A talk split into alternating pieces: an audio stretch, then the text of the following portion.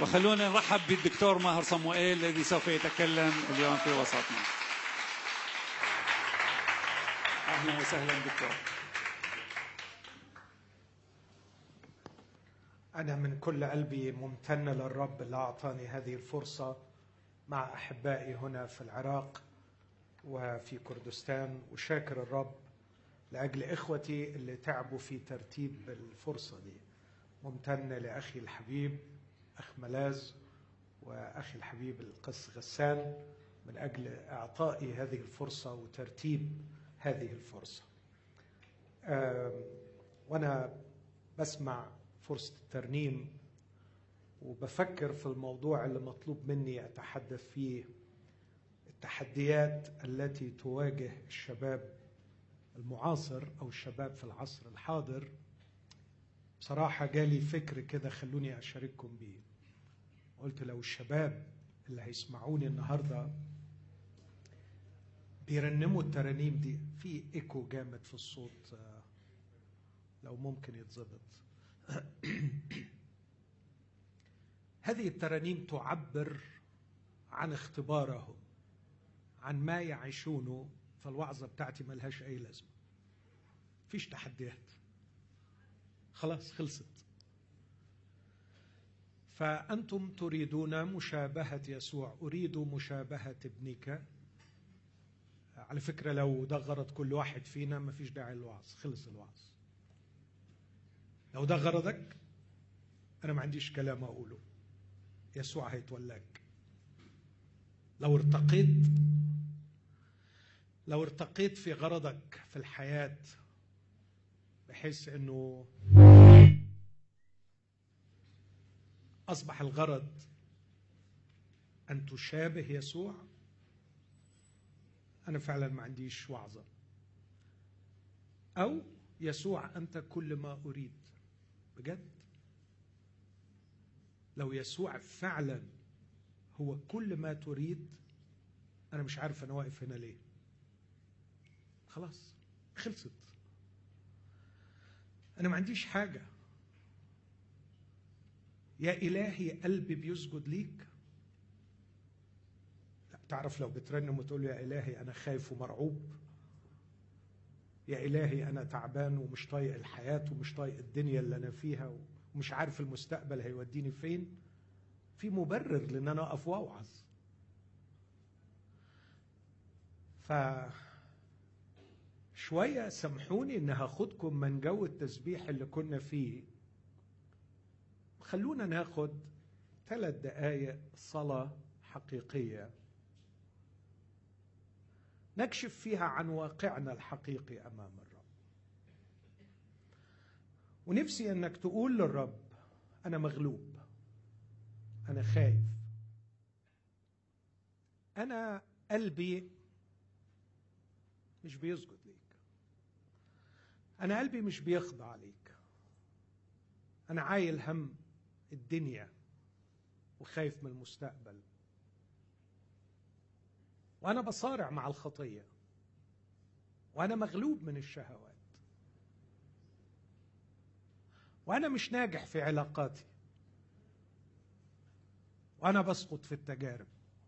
ممكن ناخد دقايق نصلي الصلوات دي مع بعض؟ أمين. عشان يبقى عندي شيء أوعظ بيه بس. خلونا ناخد الدقايق دي في صلاة. حقيقية أمام الرب وأرجوك ارجوكي خلونا نكون في منتهى الصراحة والشفافية. مع إله عارف قلوبنا يعرف أعماقنا يعرف خبايانا. غمض عينيك. اسكب قلبك أمام الرب. يا رب أنا خايف. أنا مكتئب. أنا في حيرة. أنا مش شبعان. أنا محتار. مش عارف أقعد في كردستان ولا أترك ولا أروح. مش لاقي شيء يشبعني في الحياة. أعترف أمامك بخطاياي اني بقضي وقت طويل على السوشيال ميديا. مشتت ضائع بين الرغبات المختلفة.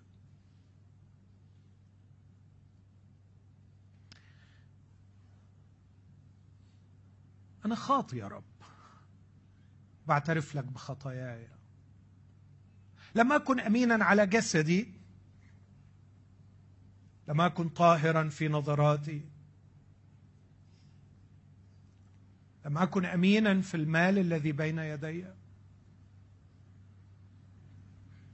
أنا لا أعرف كيف أعيش قداسه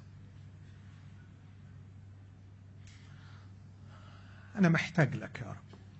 أنا محتاج لك يا رب. يا رب دعني أعترف أمامك بأمانة. أنك لست أنت كل ما أريد فأنا أريد معك أشياء أخرى كثيرة. وكثيرا مما أريد لا يتفق مع صلاحك وقداستك ومشيئتك. اغفر خطيئتي. وحد قلبي. عالجني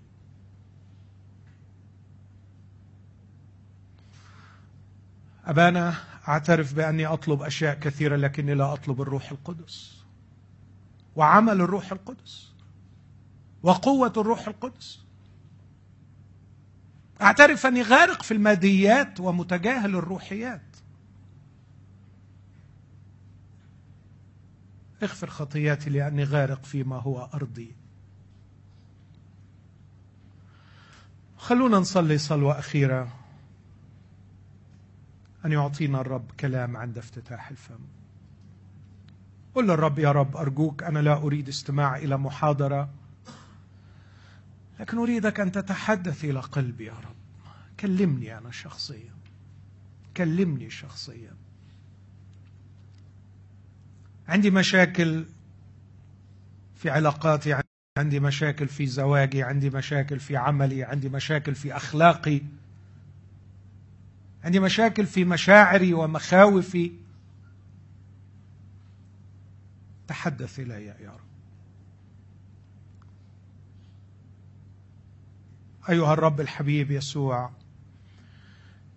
يا من مشيت على الماء قديما وأتيت إلى تلاميذك لتطمئنهم. أعبر كل المسافات واقترب إلينا في هذا المساء. اقترب إلى عبيدك يا رب. اقترب إلى عبيدك. وتكلم إلى قلوبنا بأقوالك الحلوة المشجعة. ثقوا أنا هو لا تخافوا علمنا عن نفسك. كلمنا عن خطايانا واغفر لنا. وبخنا وقل لنا لماذا شككت يا قليل الإيمان. أيها الرب الحبيب يسوع لا تحرمنا من حضورك وتعليمك وكلامك الخاص لكل واحدة ولكل واحد فينا. أبانا إني أتضرع إليك من أجل نفسي أن تعطيني قوة الروح القدس. فلا أتكلم من نفسي.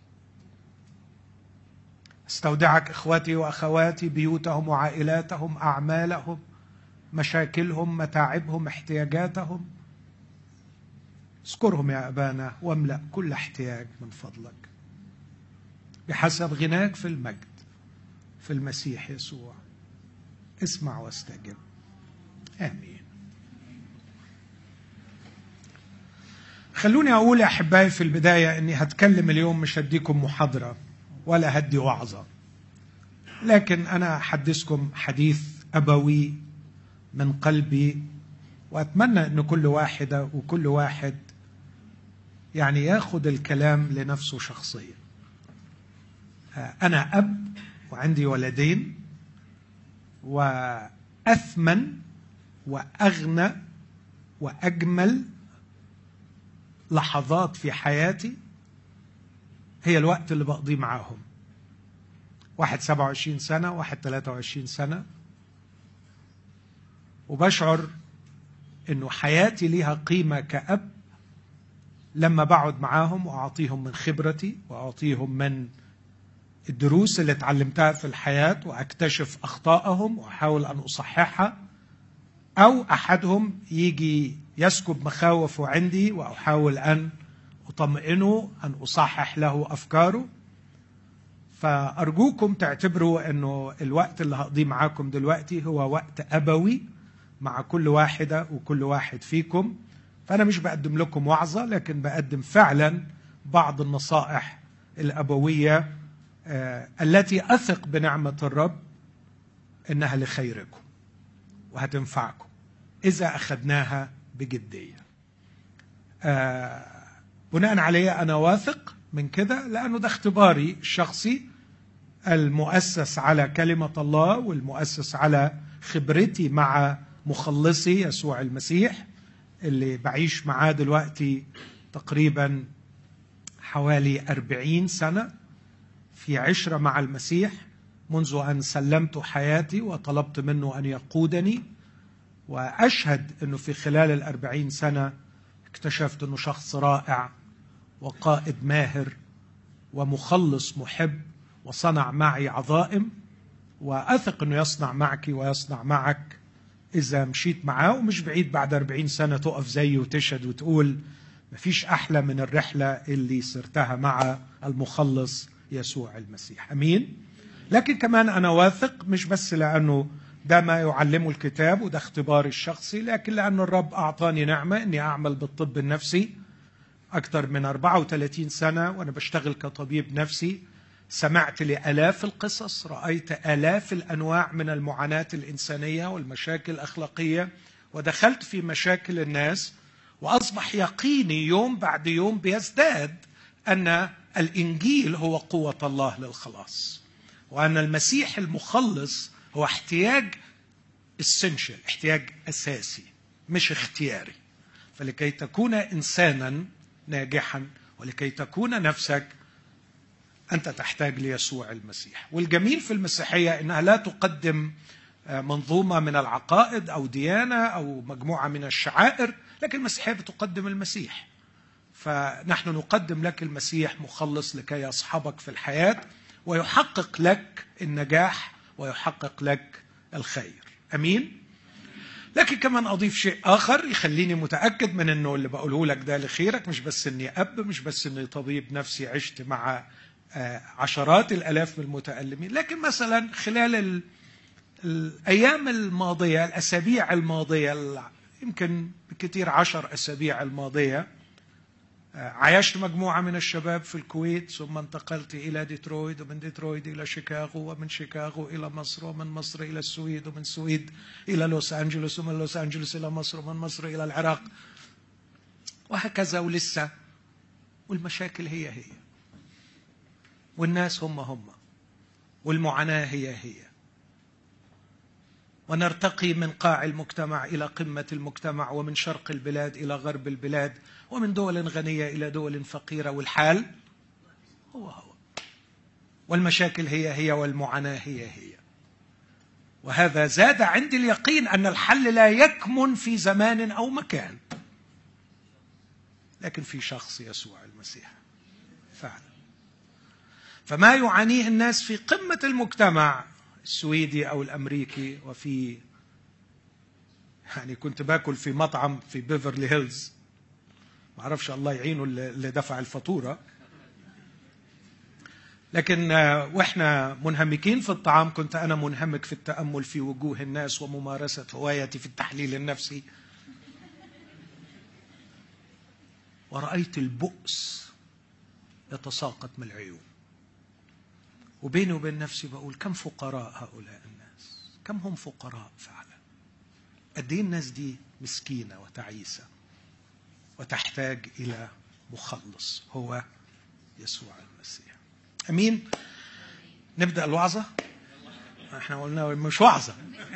هي مش وعظة. أنا بس هشارككم ببعض الأفكار أفكر معاكم فيها. الموضوع اللي, محطوط عنوانه التحديات التي يواجهها الشباب المعاصر. صحيح كده؟ أو إيه العنوان اسيس ملاس؟ التحديات التي يواجهها الشباب في العصر الحاضر. إيه التحديات اللي بنواجهها؟ مبدئيا خلوني أفكر معاكم. لما أقول كلمة تحديات فأنا بفترض إن في غرض. أريد الوصول إليه لكن هناك تحديات تمنعني من تحقيق هذا الغرض. صح؟ لا يعني عايزكم تكونوا أسرع معايا شوية. أيوه. يعني منين ما أقول إن في تحديات تحديات لإيه؟ لو مثلا عايز تنقص وزنك 10 كيلو فالغرض إنك تكون هانسم مثلا. الغرض إنك تكون يعني رياضي مثلا. فإيه التحديات إنك بتحب المعكرونة؟ أو بتحب البيتزا؟ فلما أقول إن أنا عندي تحديات فتلقائيا أنا افترضت إن في إن في غرض إن في غرض. لما أقول التحديات التي تواجه الشباب المسيحي أنا ضمنيا افترضت إن في غرض الشباب المسيحي يريد الوصول إليه لكن هناك تحديات تمنعه من تحقيق هذا الغرض. والسؤال الأهم قبل ما نقول إيه هي التحديات لازم نقول إيه هو الغرض. صح؟ وأنا أعتقد إذا ما حددناش الغرض ملوش أي معنى إن إحنا نتكلم عن التحديات فالسؤال ما هو الغرض؟ اللي المفروض المسيحي يعيش من أجله. أنا سأصيغ هذا الغرض في أربع عبارات كلهم حاجة واحدة بس هي عبارات مختلفة تصف الغرض من جوانب مختلفة. الغرض الأول أو الوجه الأول أسمي الغرض اللي أنا شخصيا نفسي أسعى إليه واللي أحب إن أولادي الاثنين يسعوا إليه وأحب إن أنتوا تسعوا إليه واللي ممكن بعد كده نشوف التحديات اللي بتحاول تعطلنا عنه هو خلاص النفس. إيه اللي أنا عايزه من الدنيا؟ بعد ما تخلص حياتي من الدنيا أريد خلاص نفسي. أريد خلاص النفس. خلاص النفس. عايز لما امشي من الدنيا دي تكون نفسي خلصت. الوجه الثاني أسميه اقتناء النفس. أريد أن أقتني نفسي. الرب يسوع أتى مخلص لكي يخلص الناس. دعي اسمه يسوع لأنه يخلص شعبه من خطاياه. فيسوع مخلص يخلص النفس. بطرس الأولى واحد يقول نائلين غاية إيمانكم خلاص نفوس إن غاية الإيمان غرض الإيمان غرض الارتباط بالمسيح غرض الوعظ اللي أنا بوعظه. أن من يرتبط بيسوع يرتبط بيسوع لكي يحصل على خلاص نفسه. العبارة الثانية في عبرانيين عشرة يقول هذه الكلمات الجميلة لسنا من الارتداد للهلاك لكن من الإيمان لاقتناء النفس. نفسك في إيه؟ غرضك إيه؟ من تبعية يسوع غرضي أن أقتني نفسي. يبقى اولا غرضي أن أحصل على خلاص النفس. مرة تاني غرضي هو اقتناء نفسي. خلاص نفسي اقتناء نفسي. الاثنين دول من الممكن أن الرب يسوع يجملهم في عبارة واحدة وهو بيقول ماذا ينتفع الإنسان لو ربح العالم كله وخسر نفسه؟ إذا طلع من الدنيا دون خلاص النفس ودون اقتناء النفس. وهوضح يعني إيه خلاص النفس ويعني إيه اقتناء النفس. لكن ممكن أقول تعبير ثالث يصف الغرض اللي إحنا بنسعى إليه واللي هنتكلم عن التحديات التي تعوق الوصول إليه وهو بصراحة اقتناء المجد. اقتناء المجد. تسالونيك الثانية 2 14 عبارة جميلة جدا. أن الله دعانا لاقتناء مجد ربنا يسوع. فمش بس اقتناء النفس لكن اقتناء المجد. اوعى تتروحن وتقول لا أنا مش عايز مجد أنا راجل منكر للذات. لا كلنا عايزين المجد. وبندور على المجد. وعلى فكرة عندي خبر حلو ليك من حقك تدور على المجد لأنك مخلوق للمجد. أنت مش مخلوق علشان تكون حقير. أنت مش مخلوق علشان تكون أي حاجة. لا أنت مخلوق عشان تكون حاجة وحاجة عظيمة. شرط نفهم إيه هو المجد. مش في ماركات اللبس اللي بنلبسها ولا نوع البيوت اللي بنعيش فيها ولا نوع السيارات اللي بنركبها. علينا أن نفهم عمق احتياجنا للمجد. وهذا الاحتياج للمجد احتياج مشروع يا شباب. إنك تكون اسمح لي أقولها لك بالإنجليزية glorious being. ده حقك. إنك تكون كائن مجيد مملوء بالمجد. بس بين قوسين أقول بسرعة أن يكون المجد فيك في داخلك وليس شيء خارجك تملكه. لا أن تملك المجد لكن أن تكون أنت نفسك مجيد. مش to have glory to be glorious. وايه انهي نوع من المجد؟ لاقتناء مجد ربنا. تحبوا أقرأ لكم الآية دي؟ علشان تحفظوها معايا علشان يمكن مش كتير مننا. أنا قلت إيه الشاهد؟ برافو. تسالونيكي ها؟ الثانية اثنين يا رب ما أكونش غلطت وأتكسف. بصوا كده معايا في تسالونيكي الثانية اثنين أربع الحمد لله. طلعت مظبوط. اسمع كده يقول إيه؟ الأمر الذي دعاكم إليه أبونا السماوي دعاكم إليه بإيه؟ بص الجمال بالإنجيل. عندما أقدم دعوة الإنجيل أنا أقدم دعوة لاقتناء المجد. دعاكم إليه بإنجيلنا لاقتناء مجد ربنا يسوع المسيح. ممكن نحفظ الآية دي مع بعض؟ الأمر الذي دعاكم إليه بإنجيلنا لاقتناء مجد ربنا يسوع المسيح. To be glorious like him. تبقى جميل ومجيد وعظيم زي يسوع. يمكن اقتناء مجد ربنا يسوع تاخدني للكلمة الرابعة والأخيرة لما أتكلم عن الغرض هو مشابهة ابن الله. والذين سبق فعينه سبق فعرفهم سبق فعينهم ليكونوا مشابهين صورة ابنه أريد مشابهة ابنك رنمناه يكون مشابهين صورة ابنه ليكون هو بكرا بين إخوة كثيرين. لو أنت شاب مسيحي وبتسأل عن التحديات التي تواجهك في حياتك المسيحية اسمح لي الأول أسألك هو إيه غرضك في الحياة المسيحية؟ لو غرضك تروح الجنة وما تروحش النار مالكش كلام عندي ما عنديش كلام الموضوع ده. لكن لو غرضك خلاص النفس اقتناء النفس اقتناء المجد مشابهة الإبن. فعندي كلام أقوله لك. أمين؟ أنا لا أتكلم عن أربع أغراض أتكلم عن غرض واحد لكني أصف من أربع جوانب. خلاص النفس قولوهم أنتوا ها؟ لا لا لا لا دي دي, دي دوشة دي. واحدة واحدة.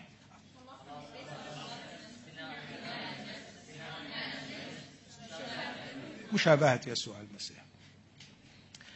لو حابب أجملهم الأربعة دول في كلمة واحدة أقول لك إن الغرض أن تكون إنسانا وأن تكون نفسك. أن تكون إنسانا وأن تكون نفسك. أن تكون إنسانا كما قصد لك الله أن تكون إنسان باعتبار الإنسان هو تاج الخليقة وقمة المخلوقات والمخلوق ليكون على صورة الله. نعمل الإنسان على يا لجماله نعمل الإنسان. الإنسان ده صناعة ثقيلة صناعة كبيرة حاجة جميلة. نعمل الإنسان. الله بيقول نعمل الإنسان. إيه رأيك في الفيل؟ ضخم وحلو. كم واحد شاف فيل هنا؟ إيه ده؟ قليلين قوي. كم واحد شاف زرافة؟ كم واحد شاف طاووس؟ شفتوا الجمال الألوان؟ شفتوا القوة؟ شفتوا. من من كم يوم كنت بتفرج على طور بيحارب سيارة في إحدى الغابات السفاري والسيارة بيك اب مليان بشر بأرنب يقلبها طور الخليقة الحيوانية رهيبة مش كده؟ بس تعرفوا كيف الله خلقها؟ لتخرج الأرض ذوات أنفس حية فأخرجت الأرض. شفتوا الحوت؟ شفتوا الدرفين شفتوا الأسماك الملونة؟ لتفض المياه ذوات أنفس حية لكن عند الإنسان تشاور في داخل الذات الإلهية بين الأقانيم وحضور في المجلس الإلهي وقرار إلهي نعمل الإنسان على صورتنا كشبهنا. الإنسان كائن عظيم مجيد. أن تكون إنسانا. الأمر كان يستلزم الخلق والفداء كما تعلمه المسيحية. لكن مش بس عايزنا عايزني أكون إنسان. لكن لاحظوا لما قال نعمل الإنسان على صورتنا كشبهنا. في حاجة جميلة في الله المعلن في المسيحية إنه مش بس واحد لكن كثرة في واحد فكل أقنوم متميز. كل أقنوم متميز. وعندما يخلقنا الله على صورته يريد كل واحد منا أن يكون أيضا متميز individual. يعني إيه individual يعني undividable. يعني لا يمكن إنه ينقسم وينفصل وما فيش زيه. يريدني أن أكون إنسانا وإنسانا متميزا فريدا يونيك حتى إنه ما فيش زيه. حد مصدق الكلام ده؟ أنا شخصيا مصدقه. أنا شخصيا مصدقه والحمد لله وسيم وأندرو معايا مصدقين. فيعني إن شاء الله أنتوا كمان تصدقوا. خلاص النفس. إيه اللي نقصده؟ إنه الغرض في المسيحية هو خلاص النفس. خلينا أكون مختصر وأقول خلاص النفس من الحيوانة ومن الشيطانة. إذا تركت نفسك لذاتها سوف تتحيون أو تتشيطن والواقع والتاريخ يؤكدان هذا. الواقع الحالي والتاريخ البشري يؤكدان. عندما ترك الإنسان لنفسه بدون نعمة الله وبدون خلاص يسوع المسيح وبدون شركة حقيقية مع الله في معظم الأحوال تحيون وفي كثير من الأوقات تشيطن animalized herself أو demonized بقي ملبوس بقي ممسوك بقي مسيطر عليه بالأرواح الشريرة. غرضي هو أن أخلص نفسي أو أن يخلصني يسوع من الحيوانه ومن الشيطان. لا أريد أن أكون حيوانا. تحكمني الغرائز. توجهني الغرائز.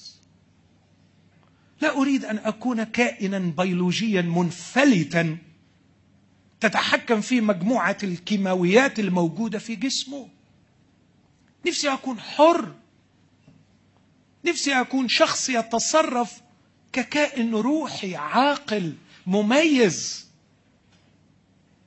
لا أريد أن أكون حيوانا. لكن أيضا لا أريد أن أخضع لسيطره الأرواح الشريرة التي تقتل. اليومين اللي فاتوا في مصر كان خبر مرعب. في حالات قتل وحالات انتحار. إخوتي لا يمكن أن أستبعد عمل الأرواح الشريرة. لقد كشف لنا الرب يسوع وقال إن السارق لا يأتي إلا لكي يسرق ويذبح. ويهلك. وأنت معرض للسرقة والذبح والهلاك. أنت معرض لكده. رسول بولس وهو بيحكي اختبارنا المسيحي يقول شاكرين الآب الذي أهلنا لشركة ميراث القديسين في نور الذي أنقذنا من سلطان الظلمة ونقلنا إلى ملكوت ابن محبته. إيه اللي بتسعى إليه؟ إيه الغرض اللي قدام عينيك؟ قول مع نفسك نفسي نفسي تخلص من الحيوانة. لا أريد أن أكون حيوانا ولا أريد أن أكون شيطانا. مستعملا من إبليس. ده اللي المسيح جه لأجله. المسيح لم يأتي ليؤسس دين المسيح لم يأتي ليضمن الجنة للناس المسيح لم يأتي لكي ما يصنع عقيدة المسيح جاء لكي يخلص. بس السؤال الذكي يخلص من ماذا؟ يخلص نفسي يخلص نفسي من ماذا؟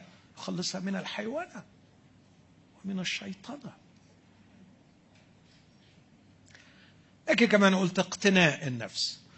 يعني إيه اقتناء النفس؟ اقتناء النفس. يعني إيه ربح النفس؟ ده تعبير آخر. يعني إيه إيجاد النفس؟ يقول يسوع كده إنه من يهلك نفسه من أجلي يجدها. كيف أجد نفسي؟ كيف أقتني نفسي؟ كيف أربح نفسي؟ إني أريد أن أتكون وأنبثق. كلمة أنبثق باللغة العربية مش عارف يعني مفهومة؟ emanation بال English إنه نفسي تطلع وتتكون وتكبر. يحصل نوع من ال formation بتكون. بتغير. بكبر بنضج.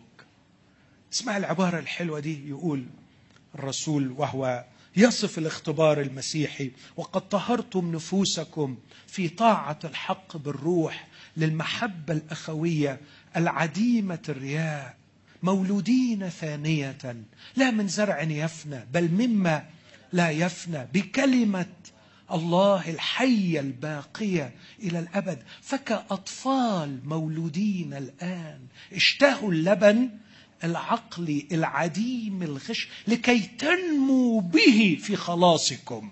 دي الترجمة الدقيقة. فتكبر النفس تتطور النفس تحلو النفس. فألاقي أنه العمر لصالحي وأنه الأيام لحسابي وأني مع الوقت أنا عمال أقتني نفسي. وأشوفها وهي بتكبر. واحدة من أكبر المسرات في الأبوة إنك تلاحظ التطور اللي بيحصل في ابنك وهو عمال يكبر. يا يا لما بيعدي الشريط العمر قدامي وأتذكر ولادي من اللحظات اللي كان ما يحللوش النوم اللي على بطني حطه على بطني ينام. ودلوقتي طبعا لو حط إيده على بطني هيفطسني. واتذكر لما كنت أحط رجله في بقي. ودلوقتي لما بروح أشتري له حذاء قد كده بقول سبحان الله على النمو اللي بيحصل. كيف بيكبروا؟ نفس المتعة متعة ملاحظة النمو في أولادنا. نفس المتعة ملاحظة النمو الذي يحدث في نفوسنا. فأنا أقتني نفسي. الأمر الثالث قلنا اقتناء المجد. وهنا محتاجين بقى نفكر بدقة في النقطة اللي هقولها دي. ما هو المجد؟ كلمة المجد كلمة مش سهلة. في اللغة العبرية كيبود غريبة قوي تعني ثقل شيء ثقيل عكس الخفيف عكس الفراغ عكس البابلز. وكلمة المجد في اللغة اليونانية تعني البريق تعني الجمال. ولما الكتاب يقول المجد ويتكلم عن المجد هو يتكلم عن شيء حقيقي حاجة تتمسك بالإيد حاجة حقيقية مش وهم مش بابلز مش فراغ مش شيء يلمع يلمع وبعدين تجري وراه تمسكه تلاقيه راح. تكلم عن شيء. له جوهر. له وجود. رب يسوع كان شخص رائع جدا. يتقال عنه بهاء مجده ورسم جوهره وحامل كل الأشياء بكلمة قدرته. هنا يوجد مجد حقيقي في هذا الشخص. هذا المجد يا أحبائي هذا المجد الحقيقي. لا يمكن أن يمتلك لكن هو شيء تكونه فمش تملك مجد لكن تكون أنت مجيد. خليني أحاول أوضح الفكرة بتاعتي بدون ما أكون بتفلسف يعني. هات شخص آه مش مجيد. دي أفضل كلمة أقولها. وخليه يمسك شيء مجيد. يعمل بيه إيه؟ يعمل بيه إيه؟ فكروا معايا. يعني هات واحد مش مجيد. يعني مثلا الكتاب في سفر الأمثال يقول لك الأرض كلها ما تستحملش وتهتز وتقع تحت عبد إذا ملك. الكتاب بيقول كده. وشنيعة إذا تزوجت. كلام الكتاب في سفر الأمثال. إيه المشكلة يعني؟ أو يقول لك المثل عامل زي واحد رجله مشلولة أو رجله متدلدلة المثل في فم الجهال. يعني ما ينفعش إن الجاهل يقول أمثال. بيبقى منظره وحش. يا عم ما تقولش الله يخليك. لأنك غالبا أنت لا فاهم معنى اللي أنت بتقوله ولا أنت هتعرف تطبق اللي أنت بتقوله. فالمثل في فم الجهال حاجة كده يعني شكلها مش حلو. تعرفوا لما تحط المجد في يد شخص غير مجيد إيه اللي بيحصل؟ يزداد حقارة. والمجد يطلع منه أسوأ ما فيه. ويحوله إلى كائن شرس. النهارده كنت بكتب لابنة عزيزة في مصر بعتت تسألني سؤال. قلت لها هناك فارق شاسع بين أن نملك الحق أو أن الحق يملكنا. لو امتلكنا الحق لتحولنا إلى كائنات شرسة. لكن إذا الحق امتلكنا صرنا بشرا. الحق مش عشان امتلك. تعرف لا طب هو الحق مجيد ولا مش مجيد؟ ما فيش حاجة مجيدة أكتر من الحق. بس حط الحق في إيد إنسان خاطي يعمل بيه إيه؟ دمر بيه الناس. الحق لم يرسل لنا لكي نمتلكه لكن أرسل لنا لكي يمتلكنا. وعندما يمتلكني الحق يحولني إلى إنسان. عندما يوضع المجد في يد شخص غير مجيد المجد يفسده وهو كمان يفسد المجد. وضع الملك في يد شاول بن قيس. عمل إيه الملك فيه جننه. صح؟ كتاب يقول كان يتجنن في وسط بيته. الملك جننه. هو على فكرة قبل ما يملك كان عاقل. بس لما ملك اتجنن بعيد عنكم. إيه اللي اتجن بيه؟ اتجن بالملك. لأنه ما كانش مهيأ كان الملك ثقيل عليه. وهو أفسد الملك. تعرف استعمل الملك في إنه يعمل إيه؟ يقتل جميع كهنة الرب. يذهب هو قتل كل العرافين بس لأنه هو الملك راح لواحدة عرافة. الملك أفسده وهو أفسد الملك. عليك وعليك أحبائي أبنائي أن ندرك أن دعوة يسوع المسيح لنا هي لامتلاك المجد لكن ليس مجد السيارات والبيوت ليس مجد الممتلكات لكن مجد الكينونة. أن تكون كائنا مجيدا. أمين؟ To be. مش to have. أن أكون. وليس أن أملك. وأن أكون شيئا حقيقيا ثقيلا. يمكن وزنه. ذي وزن؟ مش بابل مش كلام وبس لكن شيئا حقيقيا. آخر كلمة في الغرض؟ ها؟ خلاص النفس؟ اقتناء النفس؟ اقتناء المجد مشابهة الابن. مشابهة الابن دعينا لكي نكون أولاد الله. يعني إيه نبقى أولاد الله يعني؟ يعني يعني إيه نبقى أولاد الله؟ يعني أنا ابن الملك يعني أركب مرسيدس. أمال يعني في ناس قالت كده صدقوني. أمال يعني إيه أنا ابن الملك؟ يعني يعني إيه ابن لله؟ ابن لله يعني ابن ملك الملوك ورب الأرباب. ونعمل برامج تلفزيونية. أنا ابن الملك. ونغني أغاني. أنا ابن الملك. أيوه yes تعني إيه يعني ابن الملك؟ يعني أبقى جامد قوي يعني يبقى عندي كل حاجة. يعني أبقى healthy and wealthy عشان ابن الملك. يعني ما حدش من الحتة اللي أنا فيها ولا الحي اللي أنا فيه يبقى عنده اللي عندي. أنا ابن الملك. الله يسامحه الابن أن أكون ابنا أن أكون مشابها للاب اب زي يسوع. زي يسوع إيه أعظم أشياء تميز يسوع المسيح؟ اقرأ حياة يسوع المسيح طعامي أن أعمل مشيئة الذي أرسلني وأتمم عمله. نزلت من السماء ليس لأعمل مشيئتي بل مشيئة أبي. أتيت لا لكي أملك. أتيت لكي تكون لهم حياة. وعندما يملكون الحياة أصير أنا ملكا لأني نبع حياتهم. لهذا ولدت أنا. أيوه أنا ملك. لهذا ولدت أنا. لا لكي أسيطر على الناس لكن لكي أشهد للحق. وكل من هو من الحق يسمع صوتي. هو ده الابن يا حبايب. ده الابن يسوع. وأنا أعتقد أن أي شخص عاقل عنده حس أخلاقي. نعمة الله ابتدأت تتعامل معه في قلبه. وليس بالضرورة أن يكون مسيحي. عندما يقرأ حياة يسوع المسيح لابد أن يرى فيه كل الجمال.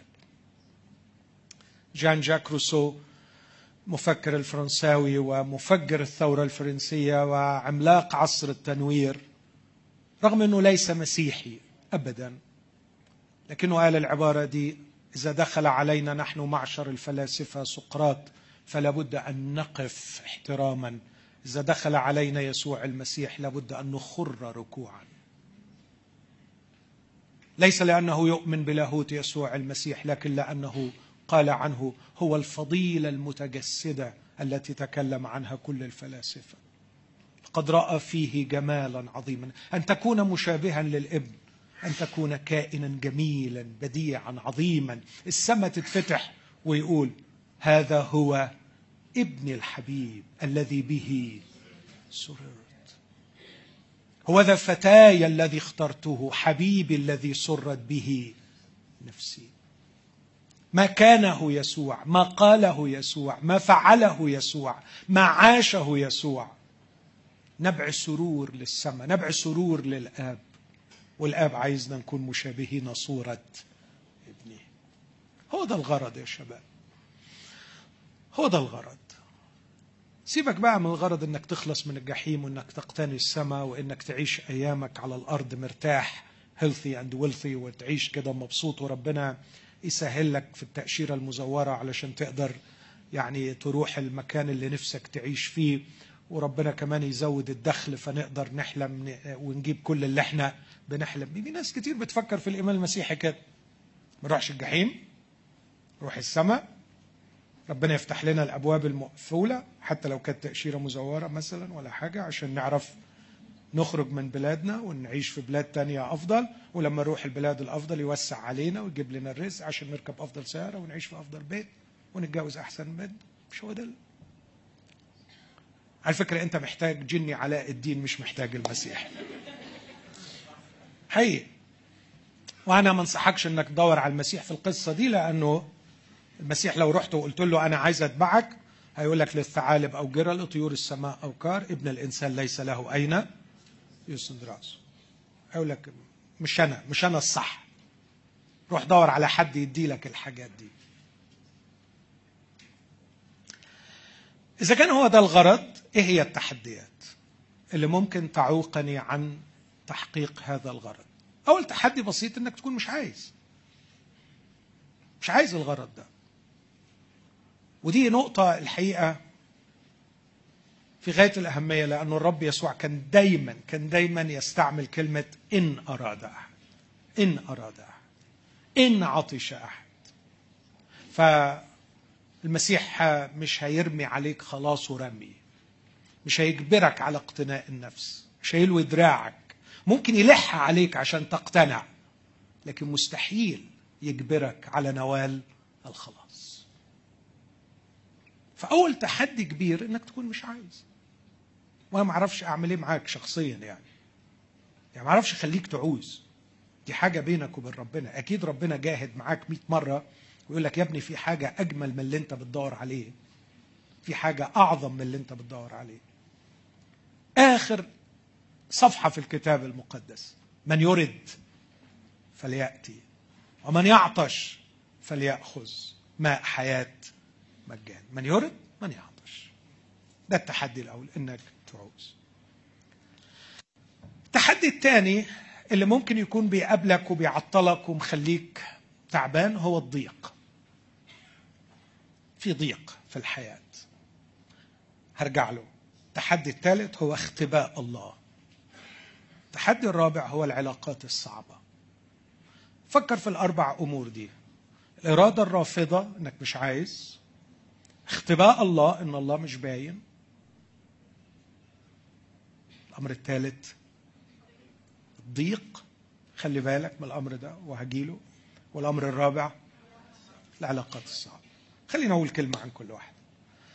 الإرادة هسيبها لك لأن أنا ما عنديش يعني آه، حتى ما بحبش الإلحاح علشان أجبرك. أحبك أنت على هداوة تقتنع وتقبل وتعوز وتريد. وتقبل الضيق. الضيق كلمة آه خليني قبل ما أقول عايز أقول فكرة عن طبيعة التحديات. وممكن أقسمها وأقول إن في تحديات أسميها تحديات إيجابية وفي تحديات ممكن أسميها تحديات سلبية. إيه اللي اقصده اقصد إن التحديات الإيجابية هي التحديات الضرورية لتحقيق الغرض. التحديات السلبية هي التحديات اللي بتعطلني عن تحقيق الغرض. يعني خليني أدي مثل. لو أنت عايز تبقى أحسن لاعب في الدوري العراقي أحسن لاعب كرة وعندك أفضل مدرب فالمدرب قال لك أنت عندك مشكلتين. المشكلة الأولانية إن الكرات الثابتة أنت ضايع فيها. ما بتعرفش تجيب أي أهداف من الكرات الثابتة. وإن يعني آه، السرعة بتاعتك آه، محتاجة إنها تزيد. لو عالجت النقطتين دول عندك تعرف تصوب وبتجيب أهداف من الكرات الثابتة وبتعرف إنك تسرع شوية أنت هتبقى أحسن لاعب في الدوري. في تحد نوعين من التحديات هنا. التحدي الأول إنك تتمرن كتير على الكرات الثابتة صح؟ فبعد ما اللعيبة يروحوا كلهم أنت تفضل في النادي ثلاث أربع ساعات تانية ما بتعملش حاجة غير إنك عمال تشوط تشوط تشوط تشوط. وكمان أول ما تصحى تصحى ساعتين قبل زملاتك وتروح الملعب تقعد تعمل إيه؟ تجري تجري تجري. متعبة ولا مش متعبة الحاجات دي؟ تحديات إنك إنك تواصل التمرين وإنك تواصل الركض. بس دي تحديات إيجابية ولا سلبية؟ إيجابية لأنه في نهايتها هتستفيد هتحقق الغرض. لكن في تحديات سلبية إنك بتحب المعكرونة والبيتزا وبتحب الحلويات. فده تحدي إيه؟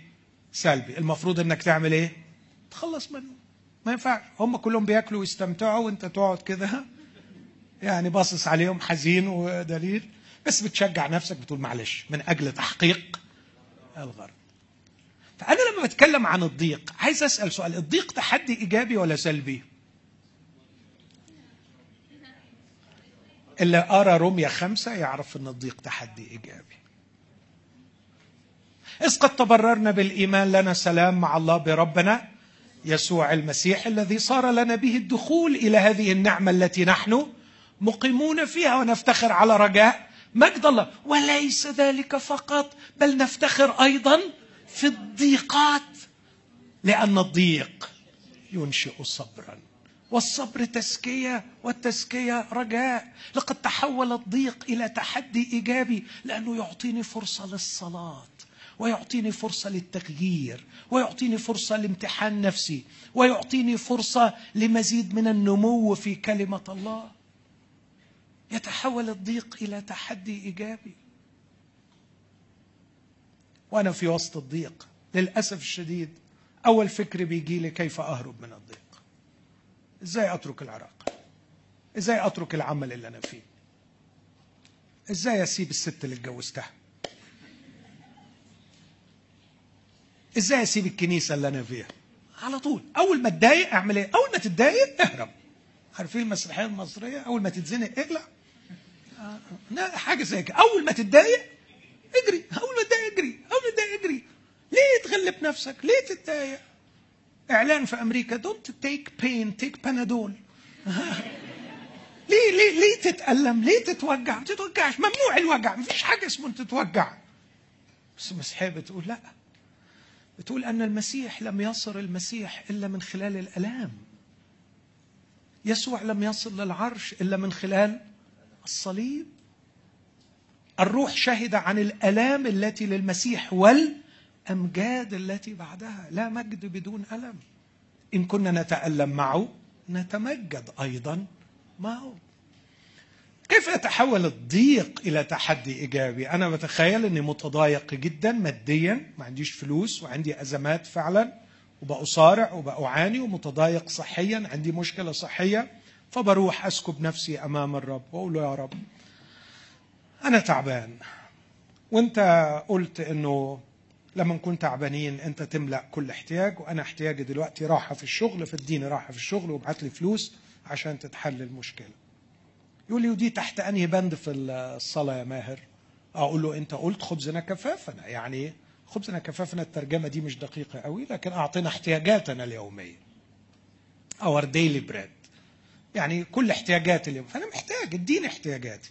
يقول لي صح. بس دي في أنهي مجموعة في الصلاة الربانية؟ الأولى ولا الثانية؟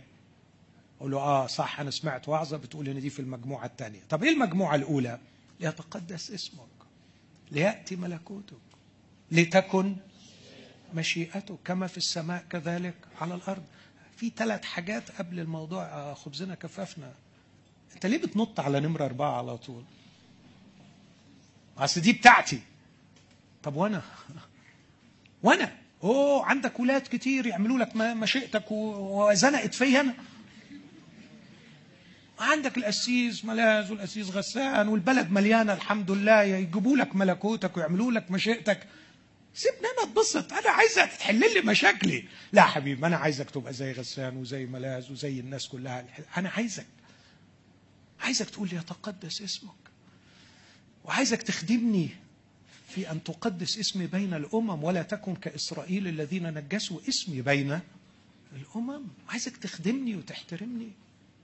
وعايزك كمان تبقى مشغول بمجيء ملكوتي لإنصاف المظلومين والبائسين وال... والفقراء والمتضايقين. فكر في ملكوتي إنه هيحل المأساة وعايزك يبقى عندك هذا التوجه إنك مشترك معي في شعوري ببؤس البشر. ورغبتي في أن أملك عليهم لكي أحل لهم مشاكلهم. اشترك معي في رغبتي. ونفسي كمان أنك تتمم مشيئتي. إيه رأيك؟ أوه يعني أنا جاي لك دلوقتي عشان احتياجي. وما أنت تكلمني عن احتياجاتك أنت. تعرف يا حبيبي اللي هيعملك إنسان مش احتياجاتك. اللي هيعملك إنسان احتياجاتي. رجعنا لإيه؟ للغرض. لو غرضك تكون مستريح خلينا في احتياجاتك. لو غرضك تكون إنسان مشابها ابن الله وتكون كائن مجيد فكر مش في احتياجاتك فكر في احتياجات الله. أن يتقدس اسمه أن يأتي ملكوته ان تكن مشيئته. طب ننقل على المجموعة الثانية. إيه أخبار المجموعة الثانية؟ لا دي أهو أنا جيت أهو خبزنا كفافنا أيوه بس حبيبي معاها اثنين تانيين أنت ناسيهم. واغفر لنا. ذنوبنا كما نغفر نحن أيضا. أوه يعني أنت قصدك ابن عمي اللي أنا مش طايق أشوف وشه؟ طب عايزني اغفر له؟ طب خلينا دلوقتي في احتياجاتي. يا حبيبي ما هو علاقاتك لا تقل أهمية عن احتياجاتك. وأنت عايز لازم تكون إنسان محترم. أيوه أنا ابقى إنسان محترم لما تبعت لي فلوس. لا حبيبي هتبقى إنسان محترم لما بتعرف تغفر للآخرين كما أغفر أنا لك. وايه أخبار التجارب مع ال pornography وإيه أخبار. يوه هتفكرني. بقول لك حل لي المشكلة دلوقتي. حل لك المشكلة حبيبي. طب وال pornography اللي هالك عينيك وهالك بدنك ومخرب نفسك وسادد نفسك عن كل حاجة روحيه صلي يا ابني صلي. قول لا تدخلنا في تجربة لكن نجنا من الشرير. أنت سبت الست طلبات ورحت زانق فيه خبزنا كفافنا واعطيني احتياجاتي. الضيق فرصة لكي أكتشف اتساع قصد الله من نحوي. الضيق فرصة أن أتنقى وأن أعرف ما هو الغرض من حياتي. الضيق فرصة للصلاة. أمين؟ الضيق فرصة؟ اسمع النص ده في رسالة يعقوب أصح خمسة. أعلى أحد بينكم مشقات؟ فليصلي. أعلى أحد بينكم مشقات؟ فليصلي. طب ما أنا رحت أصلي وأنت عقدتني من الصلاة. ما أنا بصلي. أيوة تروح تصلي. ما بيقولش تروح تطلب احتياجك. لكن روح أعمل إيه؟ صلي وتعلم الصلاة الصح. وادخل بقى في ليتقدس. اسمك تاخد لك فيها أسبوعين ثلاثة وبعدين ليأتي ملكوتك تاخد لك فيها كمان شهرين ثلاثة وبعدين لتكن مشيئتك. وبعدين اغفر لنا. وبعدين تعرف على آخرها هتلاقي روحك نسيت اللي أنت عايزه. وهتلاقي روحك بقيت جلوريوس بينج مشابها لصورة يسوع. وتلاقي روحك بتقتني مجد وبتبقى مجيد فعلا وبتقتني نفسك وبتتخلص من الحيوانة ومن الشيطنة ويبقى الضيق ينشئ صبرا. والصبر تزكية والتزكية رجاء. التحدي الثاني اللي ممكن يقابلنا في طريق هذا الغرض هو اختباء الله. يعني نقصد باختباء الله إحنا عندنا خدمات كتير كفريق عن اختباء الله وبدخل أونلاين واسمعها لكن باختصار أنا مش حاسس بيه. مش حاسس بربنا. أو طلبت منه كتير وهو ما استجابش. اختباء الله يا أحبائي مقصود وله دور في خلاصنا. اختباء الله مش لأن الله زعلان منك. اسمع الآية دي في إشاعة 45 حقا أنت إله محتجب. يا إله إسرائيل المخلص. فغالبا لكي يخلصنا يتطلب الأمر أن يحتجب. يمنع عنا الأحاسيس والشعور. لكي ننمي فضيلة الإيمان والتمسك بالله والالتصاق به فأتكون أخلاقيا وأتكون روحيا. فترات احتجاب الله هي أروع فترات للنمو الروحي الحقيقي. فاستثمر هذه الفترات أفضل استثمار. مش عايز أطول في الموضوع ده لكن ممكن وعظة ليا تسمعها علاقة احتجاب الله بالخلاص. لكن أقول لكم تشبيه من التشبيهات اللي بقولها دايما. آه كنت زمان أبقى قاعد في ال living room بقرأ بعمل أي حاجة بتكلم مع مراتي وبعدين الولاد بيلعبوا في الأوضة اللي جنبينا. فأسمع كده بوادر مشاجرة هتبدأ ومحدش يعرف نتائجها إلا الله. فألحق الموضوع قبل ما آه يعني تزداد الدنيا اشتعالا ونشوف حاجات بتتكسر ولا حاجات بتعمل فأروح بسرعة واقف في الأوضة. قوم يقوم الواد الكبير يروح حاضن الصغير ويقبله. فأقول له يا عفريت سيبك من الحركات دي. هذا الحب والود والانتمسي مزيف.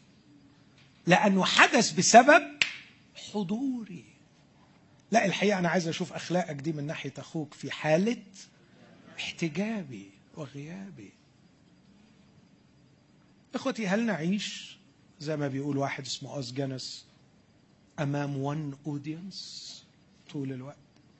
هل في غياب الناس وفي غياب المشاعر وغياب الأحاسيس بحضور الله أعيش وأنا مؤمن أنه يراني وبالتالي أتصرف باستمرار وكأني أمامه؟ ولا لازم يحضر في الأحاسيس علشان تبقى أخلاقي كويسة؟ ولازم يحضر من خلال الناس علشان أعمل حسابه؟ فترات احتجاب الله مهمة جدا. لكن أحيانا بيكون اختباء الله شايفينه متألمين منه وبيتحدانا بسبب ضعف الكنيسة. كنيسة ضعيفة. كنيسة بتوعد بحاجات تو ماتش كنيسة بتقول لي وهيحصل وهيحصل وما ما مش عارف بقى أقول إيه يعني. حاجات كده جامدة وعجيبة. وفي الآخر نطلع بره نلاقي روحنا زينا زي بقية الناس. صح؟ يعني تحضر الاجتماع تبقى يا حبيبي محلق في أجواء السماويات. وحالتك رهيبة جدا وبترفرف وخلاص فاضل لك يطلع لك الجناحين وتطير وبعدين فجأة تروح البيت دب خناقة مع مراتك ولا تدب خناقة مع والدتك أو مع والدك ونلاقي بقى حاجات تانية خالص غير اللي كانت في الكنيسة. فبيحصل لك نوع من الفشل والإحباط وبتقول هو فين ربنا وفين وفين؟ ربنا ملوش ذنب. على فكرة الكنيسة دي هي إحنا. فلما نقول ضعف الكنيسة يعني نقول ضعفنا. إن إحنا بنستسلم للانفعال ونعيش بعيدا عن الواقع. وبدل ما نكبر بنمو حقيقي بنحب إن إحنا نتبسط. خلي بالنا من الأمر ده. اختباء الله تحدي لكن إحنا اللي علينا مسؤولية أن نستفيد من هذا التحدي. وأنا بشوف إن اختباء الله تحدي إيجابي. فإذا كان الضيق أو غياب الشعور أو ضعف الكنيسة أروع فرص لي لكي أنمو روحيا وأحقق الغرض. أمين؟ حد موافقني على الكلام ده؟ آه شخصيا ده اللي واجهته في حياتي وهو اللي نماني وهو اللي خدني ناحية تحقيق الغرض. لكن أقول كلمتين في الآخر عن التحديات السلبية. التحديات السلبية أول تحدي تشتيت ال social media. وأنا يعني بكتب حاليا مقال بعنوان آكلي عقول البشر.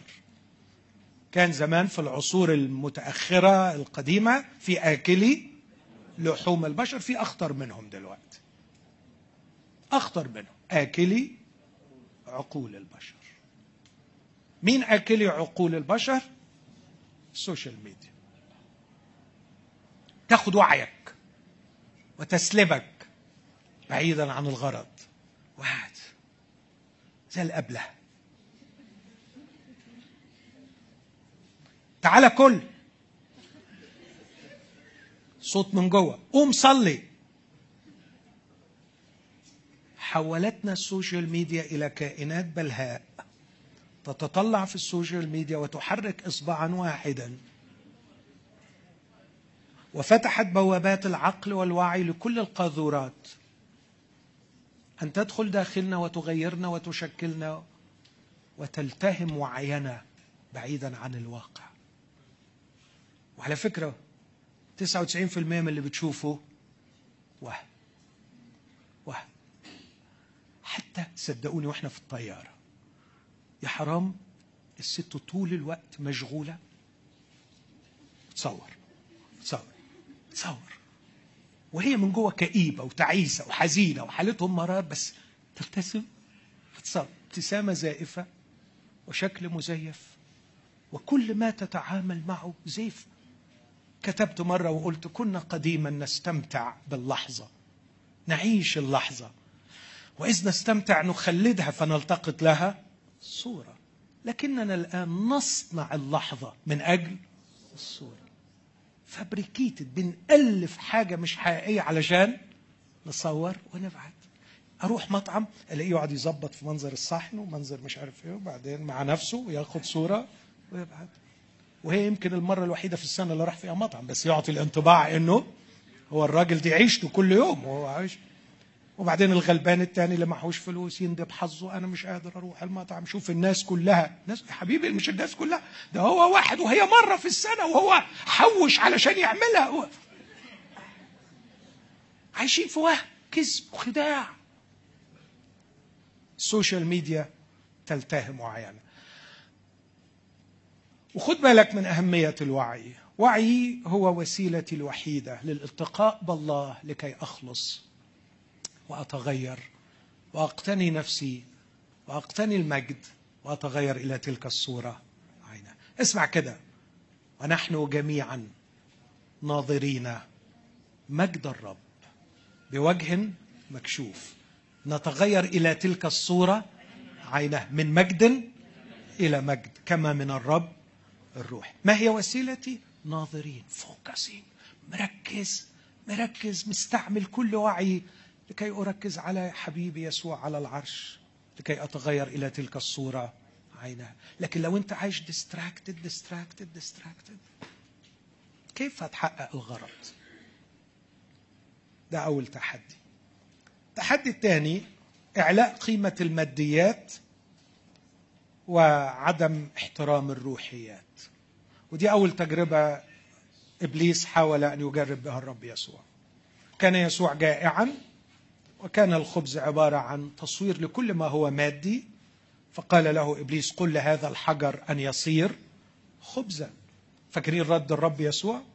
على فكرة أنا من حقي آكل والاحتياج المادي حقيقي وملح لكن ليس بالخبز وحده يحيا الإنسان. بل بكل كلمة تخرج من فم الله. الثقافة المحيطة بكم أحبائي الشباب تضغط عليكم كل يوم لكي تعلي قيمة كل ما هو مادي وتحقر وتقلل من قيمة كل ما هو روحي. ما هو مادي يمثل على قمته الخبز واحتياجاتك المشروعة من أكل وشرب وراحة وجنس وإلى آخره. والاحتياجات الروحية على قمتها كل كلمة تخرج من فم الله أن تعيش متنفسا الله العلاقة مع الله ومطيعا لكلمة الله. لكن مش بس الضغط علينا مع تعظيم ما هو مادي لكن التجربة الثانية حد فاكرها؟ في إنجيل لوقا كانت التجربة الثانية إيه؟ أعطيك كل ممالك العالم إن خررت وسجدت لي. الحقيقة الاقتراح ده مخيف. لأنه أنا بتصور إنه لو كان الرب يسوع قبل هذا العرض وكل ممالك العالم بقيت ليه؟ مش دي حاجة جميلة بصراحة؟ سيبكم من الثمن اللي هو هيدفعه ده خليه على جنب دلوقتي. لكن إيه رأيكم لو الرب يسوع بقي بيملك كل العالم؟ وإبليس ما كانش يعني آه، بيلعب هو بيقول له أعطيك ممالك العالم هديها لك. تخيلوا لو الرب يسوع بقي هو الملك على كل ممالك العالم أكيد كان يبقى حال الناس أفضل. بس الرب يسوع رفض. وعلى فكرة مش بس رفضها من إبليس ورفضها من إسرائيل. في مرة أرادوا أن يختطفوه ويجعلوه ملكا. فاختفى من بينهم. ليه الرب يسوع رفض الملك؟ لأنه مش مولود لكي يملك؟ لا وعلى فكرة هو مولود لكي يملك وهو قال لهذا ولدت أنا. بس الرب يسوع عنده خطة إنه يملك على أناس أحياء بعد ما يغيرهم. مش يملك على الناس وهم في شرهم. الناس وهم في شرهم سوف يدينهم مش يملك عليهم. لكنه لن يملك إلا على أناس ولدوا من فوق. فهو يريد تغيير يعني يغير الكينونة من الداخل. إبليس بيعرض وبيقول لك أملك. الرب يسوع بيقول أنا لا أريد أن أملك لكن أريد الناس أن تكون اولا. أن يكونوا أولاد الله. الحق الحق أقول لك إن كان أحد لا يولد من فوق لا يقدر أن يرى ملكوت الله. إبليس بيضغط عليك بالممتلكات. كل شوية بيقول لك أملك أملك أملك. رد عليه وقول له أنا عايز أكون أكون أكون. أمين؟ صعبة ولا؟ فكر فيها. فكر فيها. هو بيقول لك أملك. رد عليه وقول له أكون أكون أكون. تعرف لما أكون هرجع للي قلته من شوية لما أكون ساعتها أجيد التعامل مع ما أملك سواء كان قليل أو كثير. كون ما تخليش كل تفكيرك فيما تملك. وآخر تجربة قال له نط من فوق وملائكته هتشيلك. فالناس كلها تعمل إيه؟ تنبهر بيك. وتجري وراك. أن تدهش. أن تدهش. أعتقد الثلاث تجارب دول ممكن ألخصهم في ثلاث كلمات. أن تستمتع أن تملك أن تدهش. رد عليهم وقول له أريد أن أستمتع روحيا اولا. أريد أن أكون قبل أن أملك. وأخيرا أقول له أريد أن أؤثر لا أن أدهش. أمين؟ أنا مش عايز أدهش الناس. أنا عايز أغير الناس. أنا عايز أثر في الناس. أنا عايز أدفع الناس لما هو أفضل. عيب عليا وقلة أخلاق إني مجرد أستغل الناس لكي أدهشهم. To impress them. بس السوشيال ميديا دلوقتي مخليانا كائنات بنحب نعمل إيه؟ ندهش الناس. على فكرة في قصة جميلة في الكتاب أحب أنكم تقروها تحذر من الدهشة والإدهاش.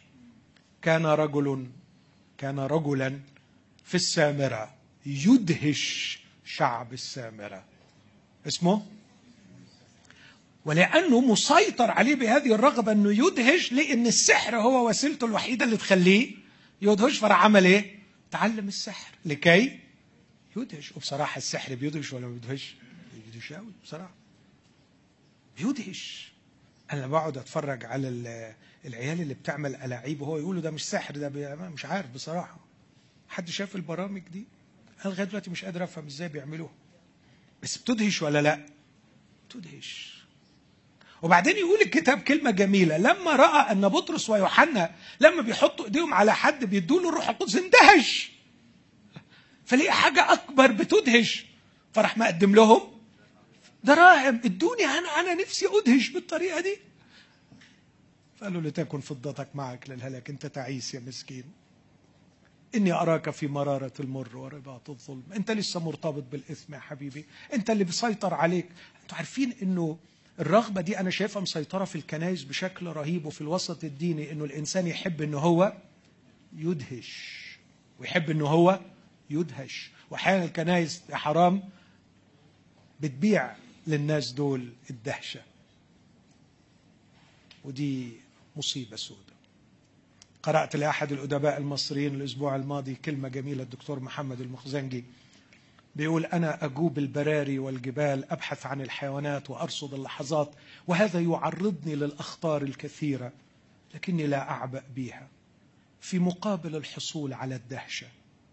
وبعدين اسمعوا اللي جاي. قال وعندما أكتب للناس عن ما رأيته وما اختبرته لا لكي أدهشهم.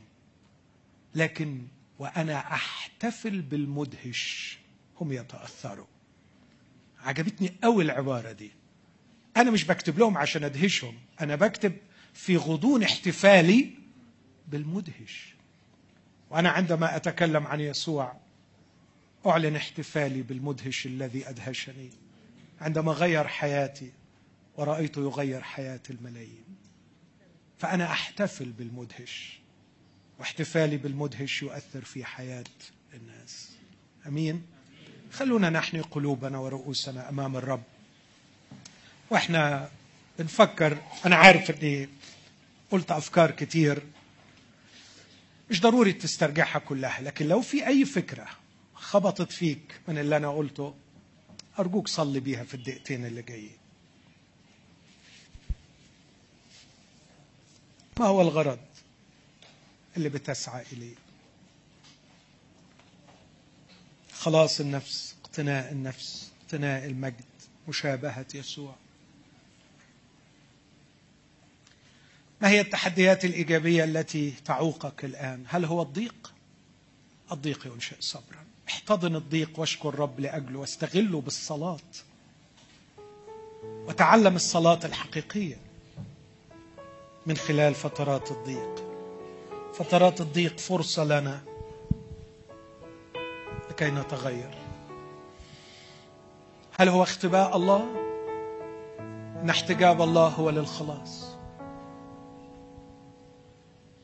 قف على مرصدك وانتظر إلهك. مهما طالت فترة احتجابه فمنتظر الرب يجددون قوة يرفعون أجنحة كالنسور يرقدون ولا يعيون يمشون ولا يتعبون. انتظر الرب. هل هو ضعف الكنيسة؟ هل هذا هو التحدي أمامك؟ نحن الكنيسة. ابدأ بنفسك. هل التحديات السلبية هي التي تعطلك؟ استرجع وعيك. من شباك السوشيال ميديا. ركز الوعي على يسوع على العرش. انظر إلى الرب يسوع رئيس الإيمان ومكمله. كي نتغير من مجد إلى مجد.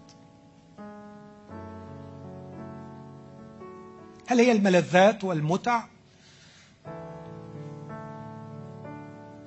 إنها مشروعة والرب شرعها لنا لكن هناك متع روحية أعمق. إياك أن تهملها. هل يضغط عليك إبليس بالرغبة في الامتلاك؟ قاوم إبليس ورد عليه وقول له أريد أن أكون.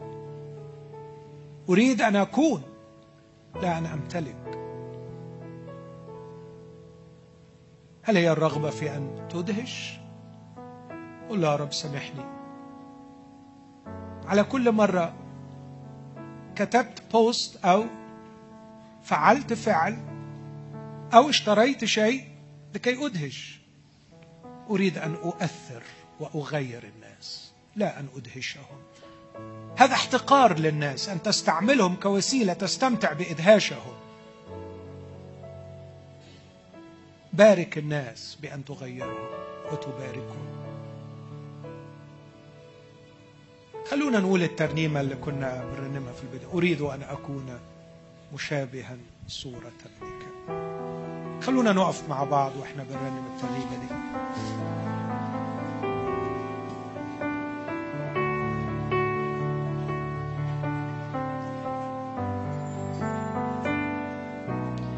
أريد أن أعرف ما في قلبك. الرب قال لنا ما في قلبه. أريد أن أشابه صورة ابنك أمين. أريد أن أكون قرب قلبك. أن أنظر من قريب وأعاين وجهك. أريد أن أعرف ما في قلبك أريد أن أشابه صورة ابنك أريد أن أكون قرب قلبك. أن أنظر من قريب.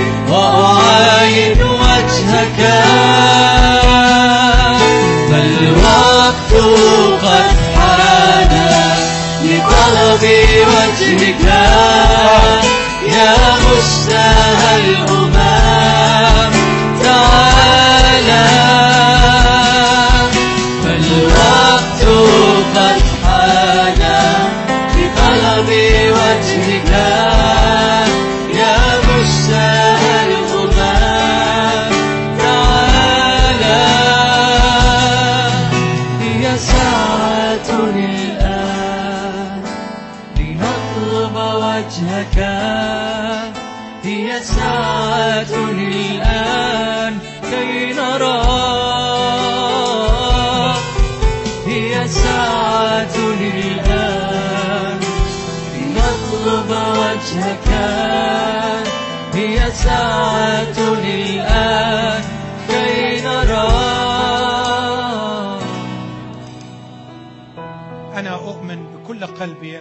يسوع حاضر بيننا الآن. لأنه بيحبنا ولأنه هو ده وعده وهو ده غرض مجيئه للعالم من ألفين سنة. أن يكون بيننا لكي يخلص من يطلبه وأنا من كل قلبي بقول لكل شخص إنها الآن ساعة لطلب وجه الرب. اطلب الرب لكي يخلصك. اليوم إن سمعتم صوته فلا تقسوا قلوبكم. اليوم يوم خلاص والوقت وقت مقبول. أنا بناشد بكل قلبي كل فتاة كل امرأة كل شاب كل رجل موجود في هذا المكان. لم يبدأ رحلة هذا الخلاص. لم يطلب الرب إلى الآن من أجل اقتناء نفسه من أجل خلاص نفسه من أجل مشابهة يسوع. غمض عينيك. وصلي معايا ببساطة شديدة. اللهم ارحمني أنا الخاطئ. أيها الرب يسوع إني أقبلك مخلص لحياتي. أريد أن أستمتع بمحبتك لي وأريد أن أستمتع بملكك علي. مرة تاني من قلبك قول للرب يسوع أحتاج إلى محبتك أحتاج إلى ملكك أملك علي أيها الرب يسوع مخلصي. أملك علي وقدني في رحلة الخلاص. لا أريد أن ينتهي عمري دون أن تخلص نفسي دون أن أقتني نفسي. أريد خلاص نفسي. وأنت المخلص. أريد خلاص نفسي وأنت الوحيد المخلص. لا أريد أن أتحيون أو أن أتشيطن. حررني يا يسوع. حررني يا يسوع خلصني يا يسوع. إن حرركم الإبن هكذا يقول رب المجد يسوع. بالحقيقة تصيرون أحرار. مرة أخيرة ارحمني أنا الخاطئ. اغفر خطاياي. متعني بحبك لي وبملكك علي. امسك بيدي. وقدني يا رب. في رحلة شفاء. رحلة خلاص. كي أكون إنسانا وأكون نفسي مشابها صورتك. يا يسوع. لمسة شفاء. في لمسة شفاء. عندما يضع يسوع يده عليك في هذا المساء. خلينا نرنم وإحنا بنطلب هذه اللمسة. منه في هذا المساء. لمسة شفاء. لمسه حياة. لمسة حياة. تلمسني بإيدك ما أنت الإله.